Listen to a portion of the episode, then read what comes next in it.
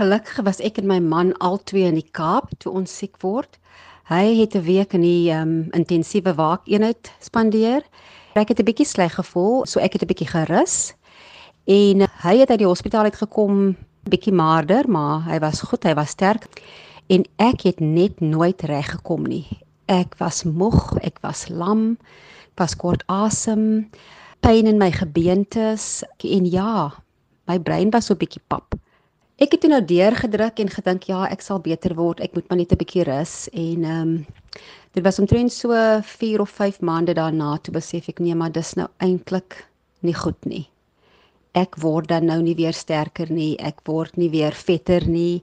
En vir my is dit altyd 'n teken as ek baie maar is, as ek nie gesond nie. Ons het alles wat toetse was gedoen en al wat die dokters vir my kon sê is dat daar 'n inflammasie in my stelsel as 'n geheel is. Hulle kan nie vir my sê waar dit is nie. En dis hoekom ek nou nie nie regkom nie en toe begin hulle praat van hierdie lang COVID. 360 praat met Melanie Burke, dogter van Johnny Burke, die stigterslid van die immergewilde groep The Invaders. Uh, Melanie, hoe het jy na jou lang COVID agtergekom? Maar genade, ek het die COVID breindofheid en kan dit ooit weggewerk word? Mariska, toe ek nou bykom dat ek eintlik hierdie breinvog het, het ek besluit ek kan nie net gaan lê nie. Ek moet 'n plan maak. En uh omdat ek al reeds besig was met die navorsing vir die invaders, het ek toe besluit ek kan maar nog 'n projek aanpak. Dis iets wat my brein besig sal hou. Ek sal moet koneksies kan maak, ek sal moet patrone kan sien. En toe het die gedagte gekom dat ek na my familie navorsing sal doen. En om 'n eerlike waarheid te sê, ek besef 'n brein is maar net soos enige liggaamsdeel, ehm, 'n um, spier. Jy moet hom werk dat hy sterker kan word, dat hy kan doen wat hy moet doen. En ek is baie bly om te sê dat hierdie projek, hierdie navorsingsprojek het regtig baie gehelp om die breinvog te kneelter.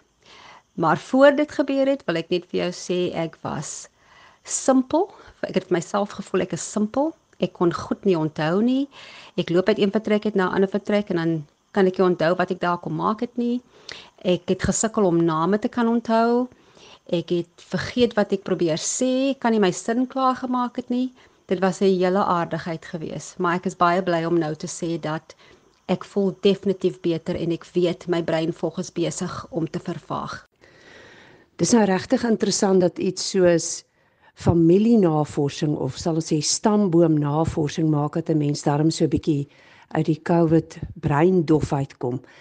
Ehm um, maar wat kon jy intussen alles nagevors het en is nou interessant om te weet waarvandaan kom jou familie oral want jy self bly nou in Spanje as ek dit nie verkeerd het nie en dan tot hoe ver kon jy hulle al navors?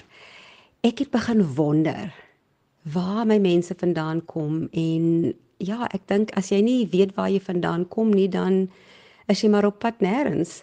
En so my kom vandaan het vir my baie belangrik geword en ek wil net dankie sê aan uh, Aubrey Springveld. Hy het jare gelede 'n bietjie begin om navorsing te doen en so ek het begin werk op wat hy al reeds gehad het en toe het ek begin praat met my familie.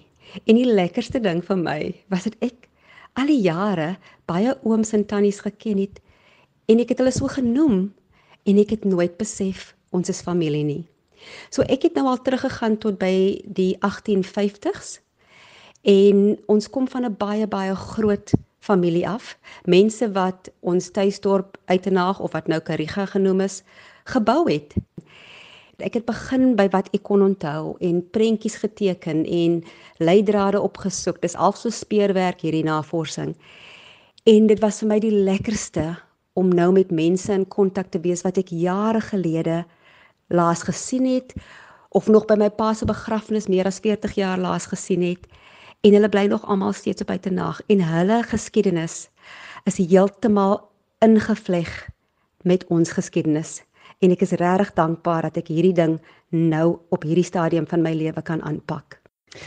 Ja, en jy kom nou binnekort uit Spanje weer aan hier in Suid-Afrika, uh, Kariga spesifiek om nog net meer uit te vind. Sover ek kon raak lees, is dit veral wat rondom Beinstraat gebeur het en dat jy ook weier kyk as net jou direkte familielede, maar ook die bure en so aan want blykbaar glo jy dit verweef die mat baie beter. Dit maak 'n baie dikker geskiedenismat as 'n mens dit so kan stel. As jy 'n persoon was wat nie land besit het nie of maar net 'n gewone werkersklagspersoon was en natuurlik ook ek praat nou van die bruin gemeenskap op uh, uitenaag was, is dit asof jy amper nie bestaan het nie. En dit is hoekom dit vir my so belangrik is om nie net my familie se storie te vertel nie, maar ook die stories van die ander families, want ons het almal saam in dieselfde gemeenskap gebly. Ja, Beinstraat, die hele Kaba eintlik uh is vir my daai woonbeeld is vir my baie baie belangrik. En dan natuurlik die mense wat besighede gehad het en waarvan ons familie afkom. Dit was uh, blanke mense gewees en dink byvoorbeeld dat my oupa grootjie John Burke toe hy met Margaret Akum trou. Sy was van Chinese afkoms gewees natuurlik in daai dae dan beteken dit jy word as anderskleurig aangegee. En dit is hoe ek dink hy in Kaba begin bly het in Baines Road. Maar ek moet hierdie feite vasmaak. So dis hoekom ek belang stel daarin om met baie baie meer mense te praat met die kinders van die families wat daar gebly het ons voorouers en hulle omstandighede. Dit het my baie hartseer gemaak, maar ek het begin vrede maak daarmee. Want ek het besef dat hulle almal die beste gedoen het wat hulle kan. En jy weet, ek soek nie op sigself skandes nie, maar uh die skande stories en die kinderstories is eintlik baie goeie leidrade wat 'n mens lei tot by die feite. Ek stel net belang daarin om die stories te vertel van hierdie mense wat geleef het, wat seer gekry het, wat gelief het en dis vir my die belangrikste. Ek het destyds as 'n kind baie tande getel, graag tussen die groot mense gesit. En baie van die goed wat ek nou die antwoorde voor kry, onthou ek in gesprekke destyds. Ek kon nooit verstaan hoekom ek sekere mense altyd by die familie optrekke gesien het nie. En nou maak dit vir my sin. Byvoorbeeld, my oupa grootjie Thomas Potgieter. Ek het nie geweet hy het was twee keer getroud nie. My ouma, Winifred Potgieter, was van die eerste vrou se kinders en haar naam was Francina Nicolai. En toe was daar 'n tweede vrou en haar naam was Martha Petrus. Nog iets wat vir my lekker was, is dat ek die oorspronklike huis waar Thomas Potgieter ingebly het en al 12 kinders grootgemaak het, dit behoort nog steeds aan daai lyn van die familie en dit bestaan nog steeds klink ontrent asof jy daai COVID brein dofheid nou goed wegwerk want tussendeur is jy ook besig met voortgesette navorsing en die neerpen daarvan van The Invaders.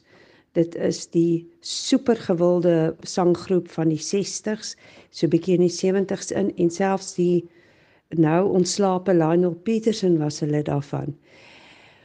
Maar nou het ons sopas verneem dat Edel Gobi is ook oorlede en dit laat nog net een lid van die invaders oor en dit is Joey Moses. Nou jou pa John Burke was die stigterslid van die invaders.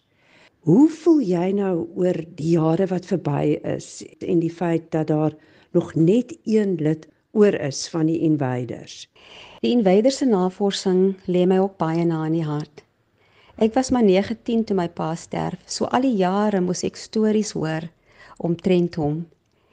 Ons het nou al heelwat van die opnames gemaak want die hele idee is dat ons die storie van die invaders wil vertel deur die stories van die mense wat daar was. So hierdie navorsing en my familie se navorsing loop half saam.